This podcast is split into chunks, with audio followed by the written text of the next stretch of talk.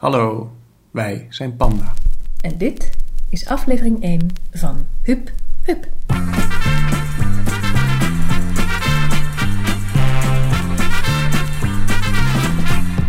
Ik ben Huub Zavelberg en heb dit plaatje gekozen om met u te kunnen praten over onze stad.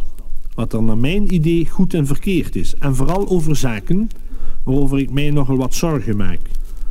Natuurlijk begrijp ik wel dat u er niet zo van gediend zou kunnen zijn op een indringende wijze als deze benaderd te worden. Als dat inderdaad zo is, zet het plaatje dan maar af en gooi het weg. Maar wel alstublieft in de vuilnisbak.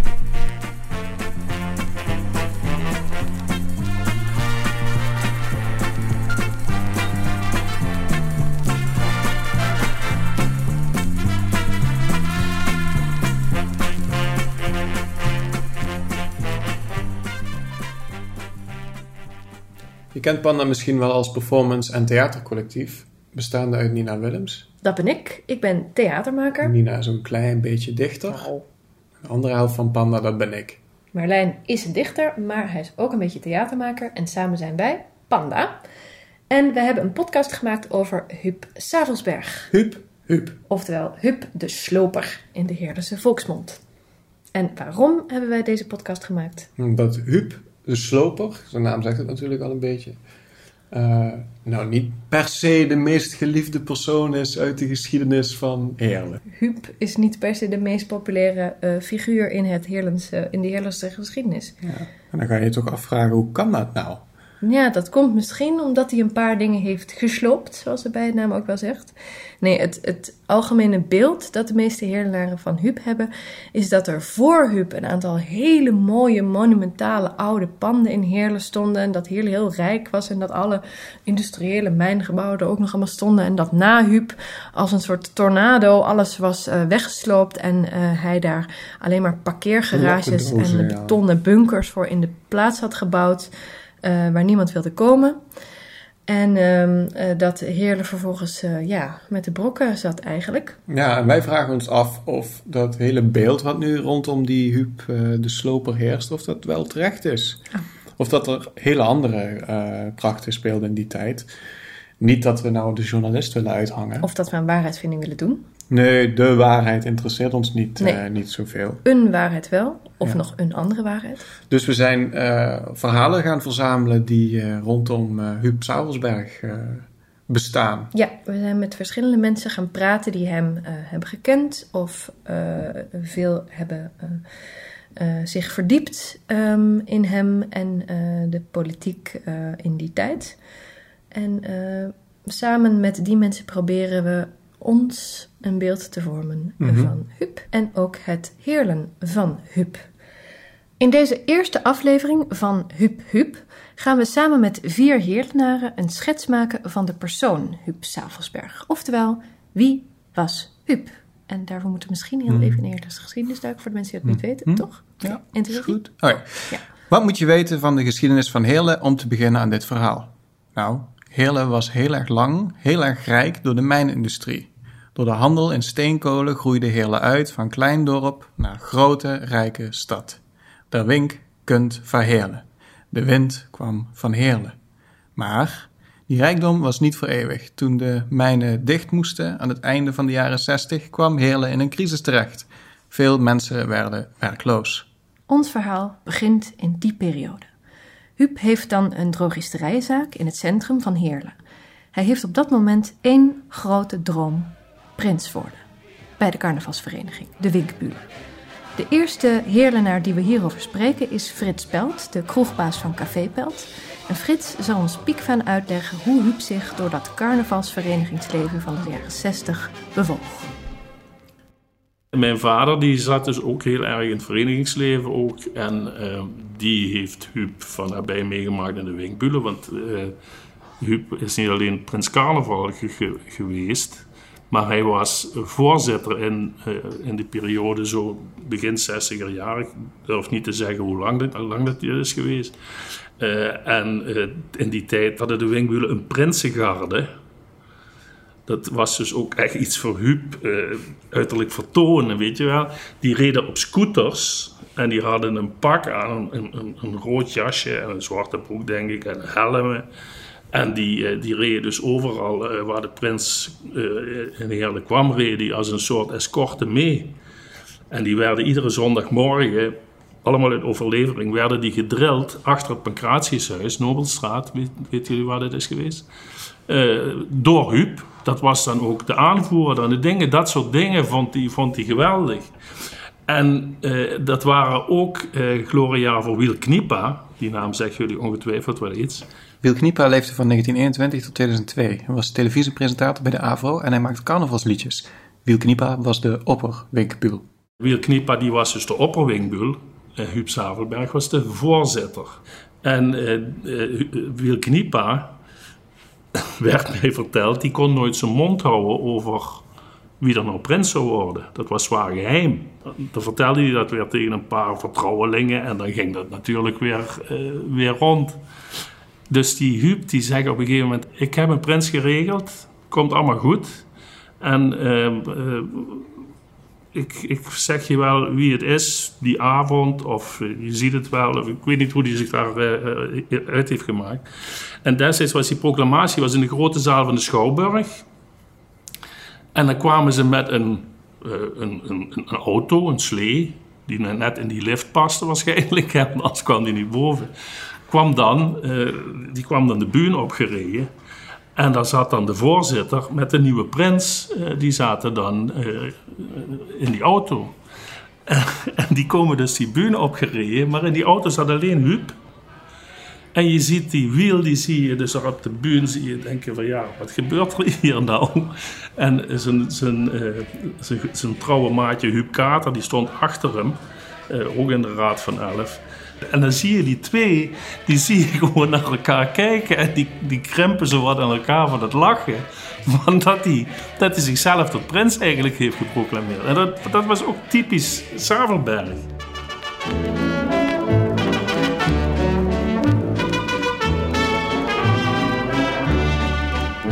Der Bink van ons Heerle, dat deed ons nu goed. Zolang der bliet weien, zolang hond vermoord. Och Stadt, Wering, Bellstadt, alling durch der Bink.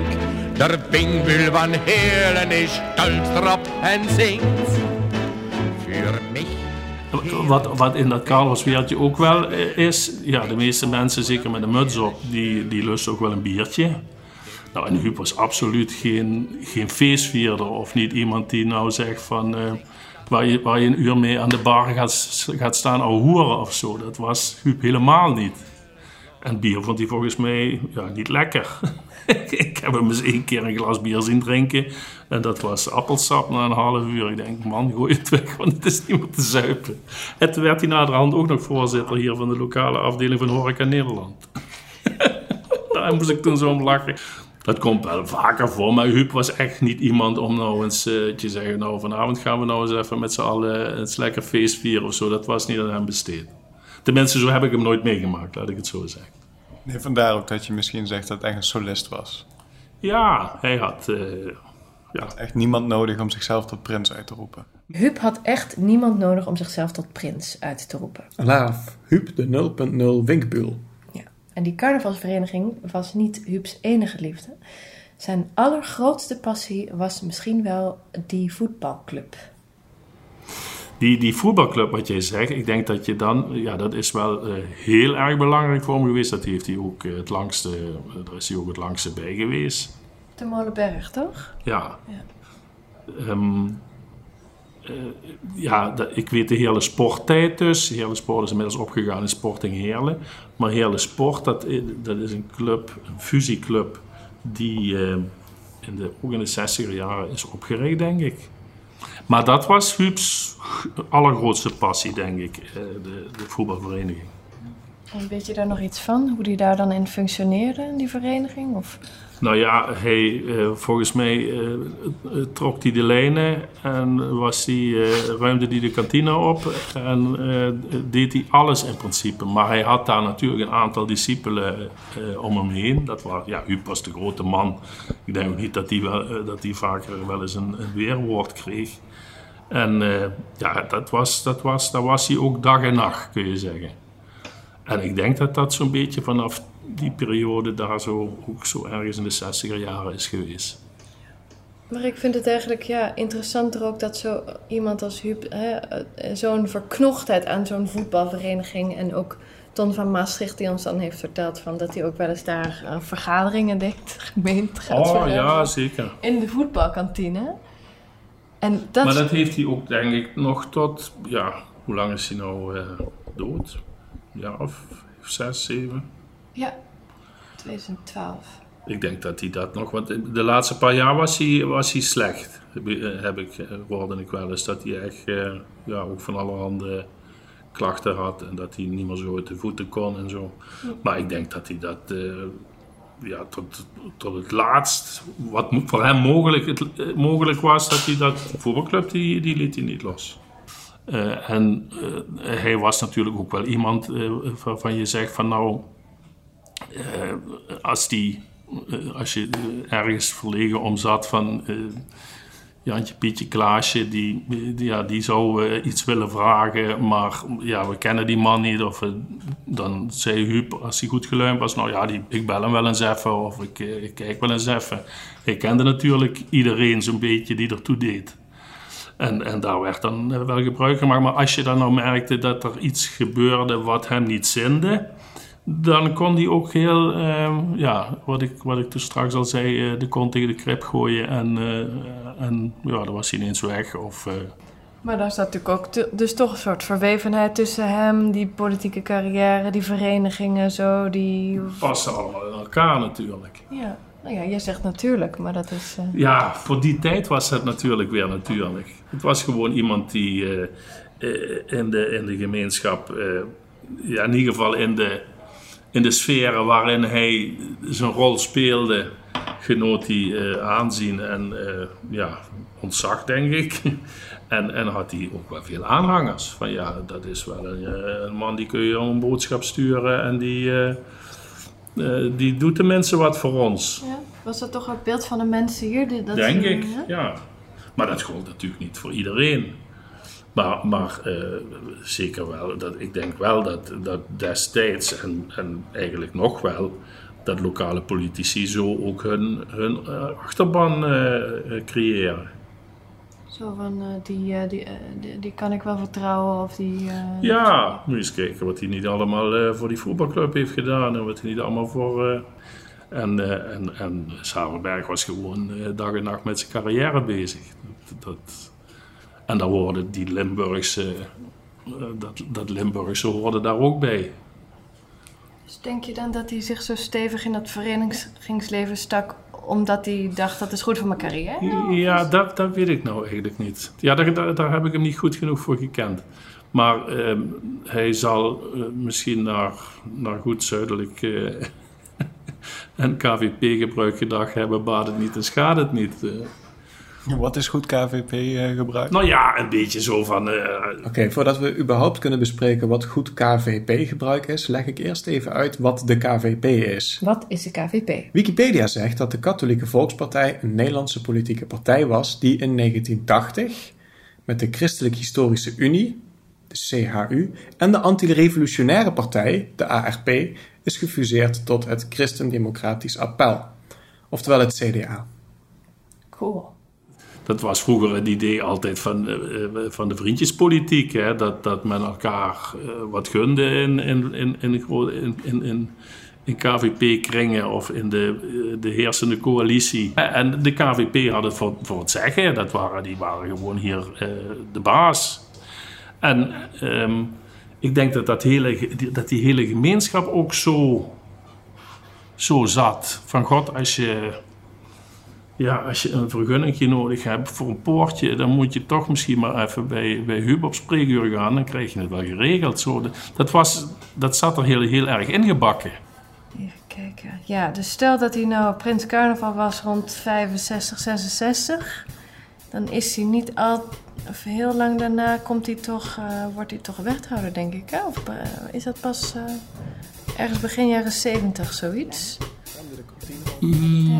Hij is vlug een jaar of twintig wethouder geweest. Hè? En dat, wanneer- sinds wanneer is hij weg? Hij deed het. Ruimde de kantine op, Hij deed alles in principe. belde hem wel even, Hij ruimde de keek wel kantine op. Hij deed alles in principe. Belde Hem wel, remde de kantine op. Hij deed alles in principe. De lijn. Hem wel, remde de kantine op. Hij deed alles in principe. Hem wel, Hij deed alles in principe. hem wel, hem eens even op de lijn. Op de lijn. remde de kantine op. Hij deed alles in principe. Van 2002 tot 2006 zat hij inderdaad weer in de raad. Ja, had ik het toch bijna goed. En vlug een jaar of twintig wethouder. Dat is toch al snel 20 jaar. Ja, om precies te zijn was Huub wethouder van 1975 tot 1999. En in die 20 jaar hebben Riet en Jan de Wit, beide actief als raadslid toen, hem van dichtbij meegemaakt. Dus hij zat tussen eh 2002 en 2006 is hij weer teruggekomen. Dus, want ja, hij was, toen was hij raadslid. Ja, want hij was tussen 1975 en 1999. Dus hij Was hij wethouder? Dus hij daarna weer, ja, Ja. is hij daarna weer teruggekomen. Maar ehm 2006, dat is zes jaar voor zijn dood. Toen hij doodging was hij 80. Dus dan heeft hij tot zijn 74ste in de politiek gezeten. Oh, hoe, hoezo pensioen? Ja, precies. Ja. En Riet en Jan hebben hem dus in die raad meegemaakt. Hoe noem je dat eigenlijk? Ehm, periode, eh, gemeenteperiode, Ja. ambtstermijn, zeg je dat? Z- Zoiets. Jan de Wit was namelijk raadslid van 1982 tot 1996. En Riet de Wit, dat is dus zijn vrouw, kwam in 1994 in die raad. En is van 2002 tot 2004 wethouder op verslavingszorg geweest. In 2006 kwam ze terug als wethouder omdat de SP toen de grootste partij van Heerlen werd. Jan en Riet zijn tegenwoordig met pensioen. Nina en ik gingen bij hen op bezoek om te praten over Huub als wethouder. En omdat we dus met vier personen aan een tafel zaten en iedereen met jaartallen begon te gooien en, en koekjes, En koekjes. leek het even ontzettend ingewikkeld te worden. Dus ik heb maar wat dingen opgezocht. We hebben, we ongelooflijk veel. Ja, het is we nu hebben, ingewikkeld. ja dus je, moet- daarom zei ik van Als je waar... een koekje wil voor het Ja, ga je gang, hè? Ga je gang. Ja. Hoe oud was hij nou toen hij begon? Toen, eh 1974? ja, toen werd hij wethouder volgens Ja. mij. Ja. En daarvoor zat hij ook in de raad, Ja, precies. denk ik. Ja. 64 was hij stadsprins. Ja. ja, maar dat is toch de ideale, dat is de echte oude ideale CDA eh, of KVP-carrière. Goed ingebed zijn in je partij, in de middenstand, eh, zo links en rechts wat contacten hebben, eh, de carnavalsvereniging. En dan hup, Langzaam omhoog. Ja. de sterke man. Maar hij was ook echt wel een verenigingsman. Dus ik durf niet eens te zeggen dat hij dat deed vanwege dit soort overwegingen, maar dat was hij gewoon. Ja. Eh, dus dat is wat wij zeggen. Die man die is dus, ik weet niet, die is wel 40 jaar politiek actief geweest of 50 en 24 jaar wethouder. Wat was Huub dan voor een man dat hij... eh, Dat is leuk. Ja. Ja. Want, eh, weet je wat zijn eerste ja. beroep was? Wat, waar hij vandaan komt? Huub, drogisterijen. ja. Daar werd hij dus altijd mee achtervolgd, ook in de politiek. Hè? Dus eh, omdat hij toen die, wat dat nou precies geweest is, weet je, heeft hij drogisterijen verkocht na verloop van tijd. ja, eerst overgedaan geloof ik. En, Ja. en, en toen is die, heeft hij daar, nog- had hij daar nog mee te maken. En dat was natuurlijk als wethouder kon dat niet. Dus uiteindelijk heeft hij daar. Maar er was altijd eh, discussie over hoe dat nou zat met zijn drogisterijen. Want hoe zat dat nou met zijn drogist? Dat weet ik dus ook niet. Maar ehm, hij, hij, ja, daarnaast was het natuurlijk zo dat hij was een wat opvallende, merkwaardige figuur. Hij was dus gewoon een alleenstaande man. En ehm, Dat was dus merkwaardig in die tijd. ja, dat was, er was dus iets mee, weet je wel. Zo het idee van, ja, dat, dat kan toch niet kloppen eigenlijk. Maar jij zegt ook altijd van hem, je hebt hem met langste meegemaakt in de raad, ehm, dat hij als wethouder ook heel goed in het debat was. Hè? Als het daarover gaat, eh, ik, ik heb hoe lang in de raad gezeten? 13 jaar in de raad gezeten. Ehm, hij was echt een enorm goede debater. Dus, dus echt. En dan in de zin van als het dus over dit soort onderwerpen ging, dan was hij echt in zijn element. Hij kon dus, die, die tien raadsleden die het woord gevoerd hadden, kon hij dus zo systematisch beantwoorden. Niet van meneer Pieters heeft dit gezegd en meneer Jansen. En meneer Pieters heeft toen ook nog dat gezegd. Nee, hij pakte dus gewoon het onderwerp en dan ging hij dwars door alles heen, weet je wel. Dus dat was echt heel erg knap. Vond ik, heb ik zelf altijd gewoon heel erg knap gevonden. Hij, hij had natuurlijk, eh, als je akelig deed tegen hem, daar kon hij ook niet tegen. Dus eh, hij was ook heel scherp. Hij kon eh, wat dat betreft heel, heel scherp uit, uit, uit de hoek komen. Dus dat je, dat je gewoon dan ook door hem werd neergezet. Hij kon niet zo goed tegen kritiek. in de zin van als je daar ehm, heel veel over zei, dan werd hij ook zelf ongemakkelijk. Dus dat, maar hij was in het, in het debat was hij echt de beste, zonder meer. Dat, was echt, dat heb ik daarna ook nooit meer meegemaakt. Maar hij kon er dus niet tegen als je hem eh, ging jennen bijvoorbeeld. Zeker als je hem probeerde uit de tent eh, te lokken. Maar nogmaals, voor de rest eh, ja, was hij gewoon heel kundig op zijn terrein. Dat kan ik niet anders kan, En niet ook anders denk ik in zekere zin eh, een aimabele man. Zo Ja. stond hij ook bekend, hè? Ja. die heel vaak... Heel correct als je hem... ja, eh, ja. zeker. Ja. zeker, zeker. En eh, die ook vaak ehm, mensen hielp hè, eh, als er wat was. Huub de Helper. Huub de aimabele man. Tom van Maastricht zegt dat ook. Wat Hè? dan? Huh?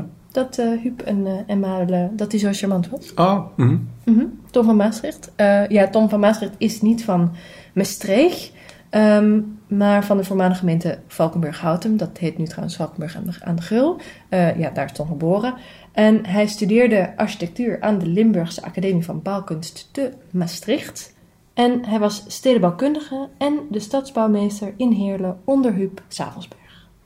We beginnen bij het allereerste prille contact tussen Ton en Huub. Kan je je nog herinneren dat je hem eh, voor het eerst zag? Ja, in de hal, in de hal van het stadhuis. Ja, inderdaad, met zo'n met zo'n eh, zo'n eh, zo'n grote zwarte bril. En eh, eh, ja, gewoon een hele erg charmante man. Dat was je eerste indruk. Ja, ja, ja.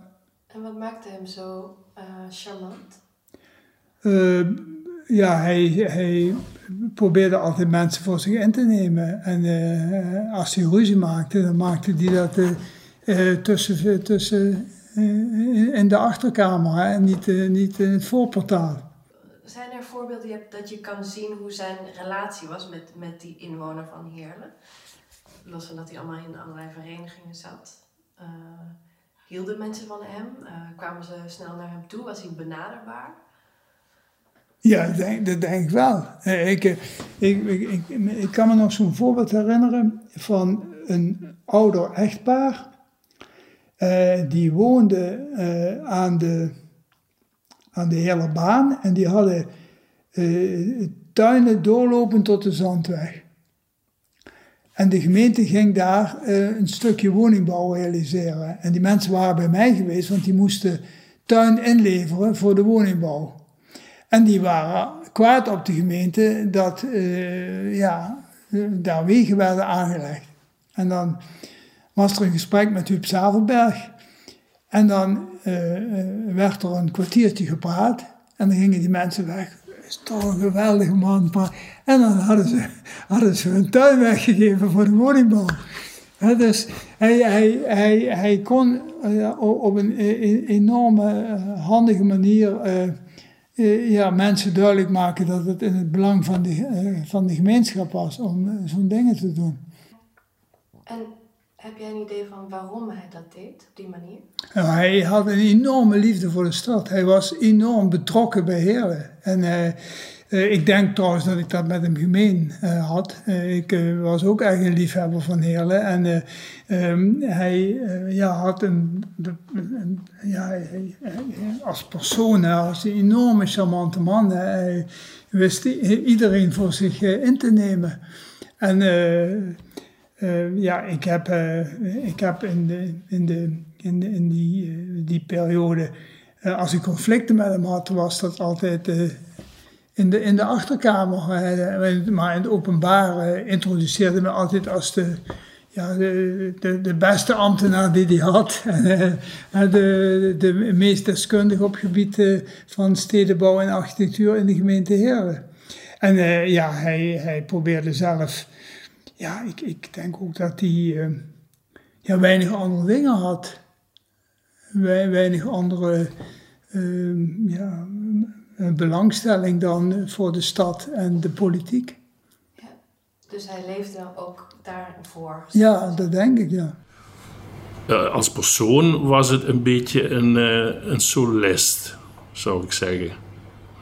Het was, eh, het, eh, hij werd gedreven, denk ik, door, door een grote ambitie. Eerst met zijn drogisterij en, en naderhand in de gemeentepolitiek. Ehm, Hij eh, heeft volgens mij heeft hij er best lang over gedaan voordat hij eh, in de gemeenteraad en in het stadhuis een beetje serieus werd genomen. Ehm, maar dat zie je natuurlijk wel eens vaker in, eh, met, met politici. Als je maar volhoudt en als je, ja, als je maar gewoon door blijft gaan, dan, dan ben je op een gegeven moment de baas. Op basis van anciëniteit of zo gaat dat gebeuren. Want ze hebben hem ook wel eens een keer op een onverkiesbare plaats eh, gezet bij het CDA of bij KVP, dat, weet ik niet. En toch kwam hij weer in de raad. Dan ging hij natuurlijk weer eh, ehm, ging hij daar enorm eh, campagne voor voeren en zijn netwerk inschakelen. Dat had hij natuurlijk ook, netwerk. Vooral, ja, denk ik, in het, in het, in het verenigingsleven en ja, in, het, in het kleinere zakenwereld. En hij had natuurlijk ook wel veel aanhangers. Dus dan werd hij, eh, eh, eh, werd hij eh, heel dik, werd hij met voorkeurstemmen werd hij gekozen. En dat was dan natuurlijk ook wel weer een overwinning, waardoor hij weer hoger op die apenrots eh, eh, terecht kwam. Ja, was het iemand van de Apenrots ook? Ja, dat lijkt me wel. Hij was gewoon, hij was gewoon de baas. Hij, was de, hij zat op de, op, het, eh, op de hoogste top. En eh, ja, wie, daar, wie daar in de buurt wilde komen, die, eh, die, die, die kreeg een, eh, een klauw, denk ik. Ik heb hem nog meegemaakt als raadslid tussen 2002 en 2006. was verschrikkelijk in de raad. Dus hij had toen een collega van het CDA, Prekart, misschien zegt jullie dat wat nog. En eh, die, hij had daar totaal niks mee op. Dus die liet hij alle hoeken van de raadzaal dus zien. Hè. Bij alles wat die man deed, dus ook dan stadsontwikkeling, zoals dat toen heette. En daar was, daar was hij zo negatief over in de raad. En niemand was er nauwelijks tegen opgewassen. Dus het was zo onaangenaam van een eigen partijgenoot. Het is natuurlijk altijd heel kwetsend, die, daar, die daar 24 jaar heeft gezeten op die portefeuille. Dus dat, ook, ook, er zitten ook altijd ambtenaren bij en zo, weet je, dan word je toch wel heel erg onderuitgeschoffeld. Vond je een fijne man om mee samen te werken, over het algemeen? Ja. Kijk, je, je moet je natuurlijk toch voorstellen dat, eh, dat er eh, tussen de eh, ambtelijke organisatie en de politiek een, een, ja, een, een, scheiding was. En ik werkte in een hiërarchisch systeem, hè? dus ik, had weer een baas en de directeur van de dienst. En die was eigenlijk de koppeling met de politiek. En het was wel lastig dat Zavelberg natuurlijk probeerde om ja, eh, eigenlijk eh, die basis te omzeilen en rechtstreeks met de ambtenaren zaken te doen. En dat vond ik toch toen de tijd wel heel erg lastig. Ja. Hierarchisch. Ja, om daarin, om daarin een, een, een rol in te spelen. Ja. Vond hij het nou fijn? Was het nou zo'n man die het fijn vond om, eh, om aanzien en macht te hebben? Ik denk zelf, ja, dat vind ik moeilijk om te zeggen, maar hij was zo, dus ik denk het wel. Hij was, eh, hij was zo. Dus hij hield ook niet zo van tegenspraak, vond hij ook gewoon heel, eh, heel moeilijk. Maar, dus ik denk wel dat, ehm, dat dat toch wel zo was. Maar dat waren zijn twee kanten. De machtspolitiek, het regenteske en aan de andere kant een aimabele man. Ja. Ja, die dus een man van het verenigingsleven, van de voetbalkantine. Ja. Ehm, dat had hij alle twee, die kanten had hij gewoon alle twee. Ik kan me ook nog zo'n iets herinneren dat wij hadden een gesprek met, eh, met woningverenigingen. Het ging dan ook over verdelen van woningbouwcontingenten. En toen eh, zei hij, en dan gingen we in de roes, gingen we smiddags lunchen of eten, dineren. En dan eh, zei hij tegen mij, jij bent tafelheer. En dan eh, bleek naar de hand dat het dus handig was, want dan had ik de leiding van de vergadering en hij kon dan in, tijdens dat eten met iedereen praten. Maar toen ik aan hem vroeg, wat houdt het dan in, tafelheer, zegt hij twee dingen. Je moet voorbidden en je moet het betalen. En dat was eigenlijk toch wel een beetje, vond ik wel een beetje karakteristiek voor zijn, voor zijn opvatting. Ja, Schiet me niet, te- schiet me niet te binnen. En je moet betalen. Ja, ja dat, dat typeert eigenlijk het, de commerciële insteek. Want dat, hij, hij was een drogist. Hè. Hij, alles ging om het, eh, toch eh, economisch verantwoord eh, doen van dingen. En e- eerder de kleine middenstander dan de grote projectontwikkelaar. Dus die ook de, de lokale belangen en de lokale relaties, de contacten met de lokale middenstandsverenigingen en zo belangrijk vond. Dus dat zit opgestoten in dat woord en jij moet het betalen, want ik had als afdelingshoofd een be- bepaald budget en hij had het ook. En als hij eh, mij daarmee kon belasten, dan eh, hoefde hij het niet te betalen. Dus de, de, die, en eh, die, die opvatting van je moet voorbidden, bidden, toch nog eventjes de, de conservatieve opvattingen van eh, ja, eh, de maaltijd wordt met gebed geopend. Hè? Dus, eh, en, en ook jij, jij linkse rakker zal ik wel even laten zien dat, dat je dat dan ook doet. Ik weet trouwens niet of ik dat toen gedaan heb, maar hij, liet me in ieder geval wel duidelijk merken dat dat de bedoeling was. Hoe zou je die, die mentaliteit van, van Huub, hoe zou je die samenvatten in één woord? Ja, met, met drogistmentaliteit. eh, een betrokkenheid bij de eh, lokale middenstand. Op de centen eh, letten. Een binding met kerk en parochie en harmonie. En geen grote eh, visie op de betekenis van Heerlen in de regio. Punt. Ja. En eh, ja, hij, jonge stedenbouwkundigen die met, eh, met visies uit Parijs of, eh, kwamen, die, die wilden die wel even aanhoren, maar dan ging die over tot de orde van de dag. En dat was de drogist-mentaliteit. Ja, ja. Eh, Ja, dat bedenk ik nu, maar eh, ik, ik, ik denk dat dat er toch wel dichtbij zit. Hij trok de lijnen. Ruimde de kantine op. Hij deed alles in principe. Hij belt hem wel even. Hij keek wel eens even. Daar kwam de wind vandaan. Winkbeel. Helpende hand. Aimable man. De beter. In het voorportaal. In de achterkamer. Hij liet je voorbidden. En betalen. Drogist. Prins. Raadslid. Wethouder. Hij deed alles in principe. Moeten we het nog langer hebben over drogist-mentaliteit? Nee. Deze kant van het CDA-plaatje is gereserveerd voor de ras-echte Limburgse artiest Willy Schobben met een lekkere, gezellige Limburgse potpourri. Deze podcast wordt mede mogelijk gemaakt door het Prins Bernhard Cultuurfonds, Gemeente Heerlen, Festival Cultura Nova en IBA Parkstad. Met veel dank aan onze gasten Riet en Jan de Wit, Frits Belt en Ton van Maastricht en L1 voor het verspreiden van onze verhalen. En bijzondere dank aan onze coach en podcastguru Dennis Gaans. Luister ook zeker even naar zijn podcast Dit Is.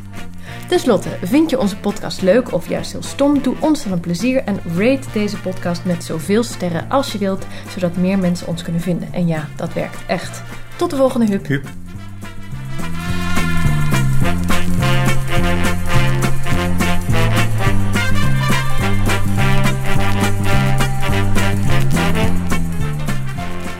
Precies, wij zaten nog naar die skippiebal te kijken, maar ondertussen... Ja, sloopte die het station, eh, sloopte die de historische panden in de Klomstraat en de Wilhelminastraat, sloopte die het arbeidsbureau, dat weet ik wel nog, is ook verzet tegen geweest, hè? Arbeidsbureau, ja. Ja. Ja.